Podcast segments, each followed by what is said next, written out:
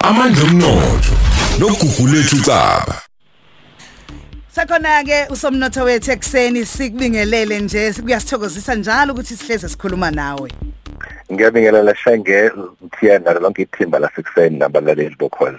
Hey ubuke wayikhuluma indaba yokuthi ke isonto noma isikhathi okukhulunywa kakhulukazi eh, ngeza amabhizinisi entrepreneurship eh nanokuthi kubalekile ukuthi ke sazi ukuthi nabantu ke futhi ke abakhubazekile bayingxenye eh, yokwakhiwa komnotho ngeza amabhizinisi. kunjalo eshenge mhlamba ngithele siqale sibheke ngoba iviki elibalekile kakhulu le intra-Africa trade eh asigqugquzele kakhulu ukuthi abalaleli bokhozi kakhulu labo abathanda ungena emabhizinisini. Babe ingxenye yale ngqungquthela ekhona.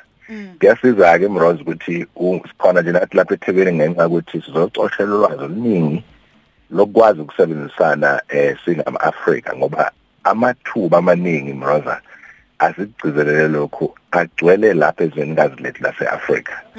Eh akungabi nje ezinye intokazi nezinsizwe ezivela ngaphandle eziza la izocoshela amathuba ngoba zigcwele impela.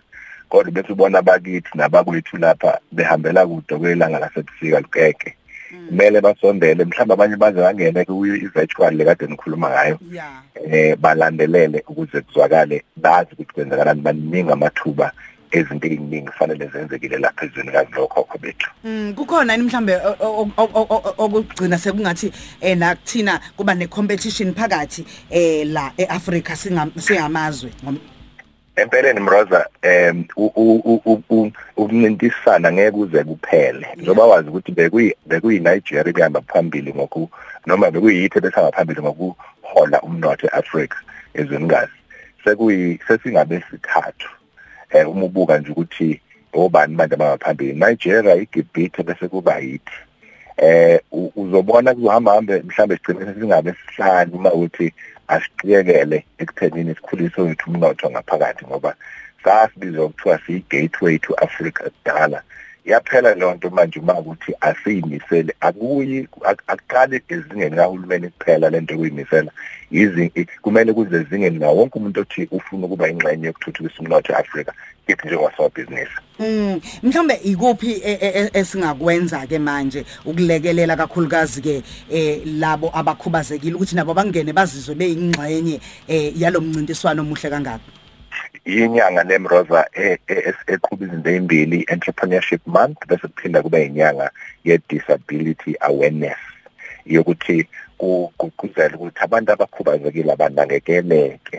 Kodwa ke lapha sikhuluma kakhulu ngabantu abakhubazekile abawosomabhizinisi. Kade ngikhuluma nabo mroza singayenzi lolu hlelo ngoba ngingithathisele nakubona. Abantu abakhubazekile abafuni ukudatshukelwa.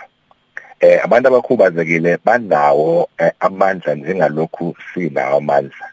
Eh nathi mhlambe sibona singakhubazekile. Abantu abakhubazekile bafuna ukuthi bazakhele bona amathuba emsebenzi amaningi eh ngenxa yokuthi umthetho sisekelo wethu uyabavumela futhi uyabavikela kodwa umanga nenkinga enkulu ekhona ukuthi izinto zonke lezi nama institutions akhona kahulumeni ne-private sector ahlale nama percentages athile ezinto afanele ayinikeza abantu abakhubazekile ukubasiza nabo bathuthuke ngowe-enterprise development njalo njalo. Kodwa bahlala bakhuluma udaba olodwa ukuthi asibaboni abantu abakhubazekile abawosomabhizinisi. Ilokho namhlanje besithe asikugcizelele emroz ukuthi abantu abakhubazekile eh uma ungabheka nje lapha eSilicon Valley eAmerica uzothola ukuthi eh cishe u50% wenkampani ekhona kuthiwa ziqalwe ngabantu abanokukhubazeka ngandlela thizeni. Abayabazi nokwakhona ukuthi umnumzana lo Virgin eh eh uRichard Branson naye unohlobo oluthile lokukhubazeka kodwa usondo nzima. Nabaningi abantu abakhubazekile abazi into ezimangalisayo kufanele banikezwe amathuba. Sigcizelela lokho ke namhlanje ukuthi abanikezwe amathuba njengoba sisho lapha eSilicon Valley 50% wenkampani ziqalwe ngabantu abakhubazekile abazi abenza izinto ezizimanga ngenxa yokuthi bayanikezwa ithuba. Eningizimu Afrika isasilele kakhulu lokho eke sinikeze ithuba abantu abakhubazekile ukuze nabo bangene emnothweni.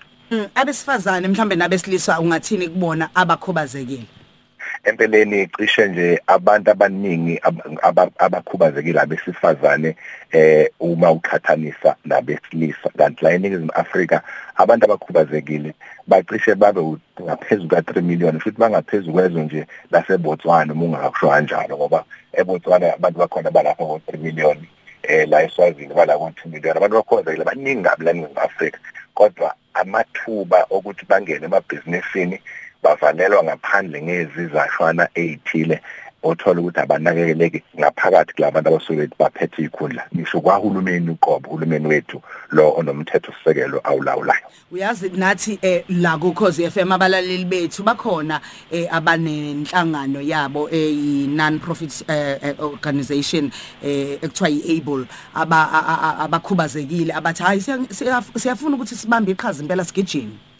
Ngothola isimanga mroza ukuthi kuwona wonke ama-conferences wethu kumandla omnotho bahlala bekhona abantu abakhubazekile abaningi kulesi sikhathi baye badaya sizakhele inhlangano yethu ekuthiwa i-able it eh ezo eholo umfoka Zuma no no no no Mesisi Mchunu nabaningi nophahla ehambisana nokuthi bafuna nabo ukuthi bathole lapha intshontsho iyo iyo nje lenkonzo kade sikhuluma ngayo mhla ka29 kuNovember. Empeleni besithe u30 kodwa ngenxa yokuthi uhulumeni la kwaZulu Natal usethe ufisa ukubasiza ngomhla ka29 kuyo lenyanga ngomsombuluko eh iyo lenkampani e non profit esicela ukuthi labo abafuna ukufaka isandla bayasiza abantu abakhubazekile basondele kuyona ukuze bakwazi ukuthola ukusizakala okugcwele ngicabanga ukuthi eh somnotho omkhulu kakhulu umkhoma kubalekile ukuthi ke baxebule nabe businessini baxebule naseminyangweni kahulumeni kungabe ukuthi hayi sesikubonelela nje ngegrantana.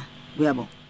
Kakhulu futhi ke nanokunye badinga ukuthi basebenze nabantu abathembekile. Kunensizwa yakwaZulu eqasha abantu abangaphezulu kuka30 engabone emehlweni. Ithi qaba yazi kuye kubaleke ukuthi usebenze nomuntu othembekile ngoba uma uzosayina amasheke uthola ukuthi ngoba nakha ubone wena emehlweni bese umuntu yakurobha baningi abaphila nezimo ezifana nalezo uthola ukuthi ngenxa yokuthi akabone emehlweni zalwe engaboni. Kodwa usomabhizinisi bese usebenza naye wena uzomuka akufuneki kube njalo mroza. Kumele sikwazi ukuthi bambisane nabafowethu enodadewethu ngenxa yokuthi abazenzanga kulokhu abayikhona. Khona mhlawumbe semina ekhona engakwazi ukuthi abantu bakwazi ukuthi baye kuyona? Iyo le ngomhla ka29 kuNovember bangaya ku 0822522217 ba WhatsApp kuphela mroza kuleyo nombolo bafuna uthola imininingwane imininingwane sibathumelele bese kuba amandla omnotho.co.za i-page lethu eh le website Le yivuka Africa Breakfast Show. Ukhosi FM. Lokuhamba phambili. phambili.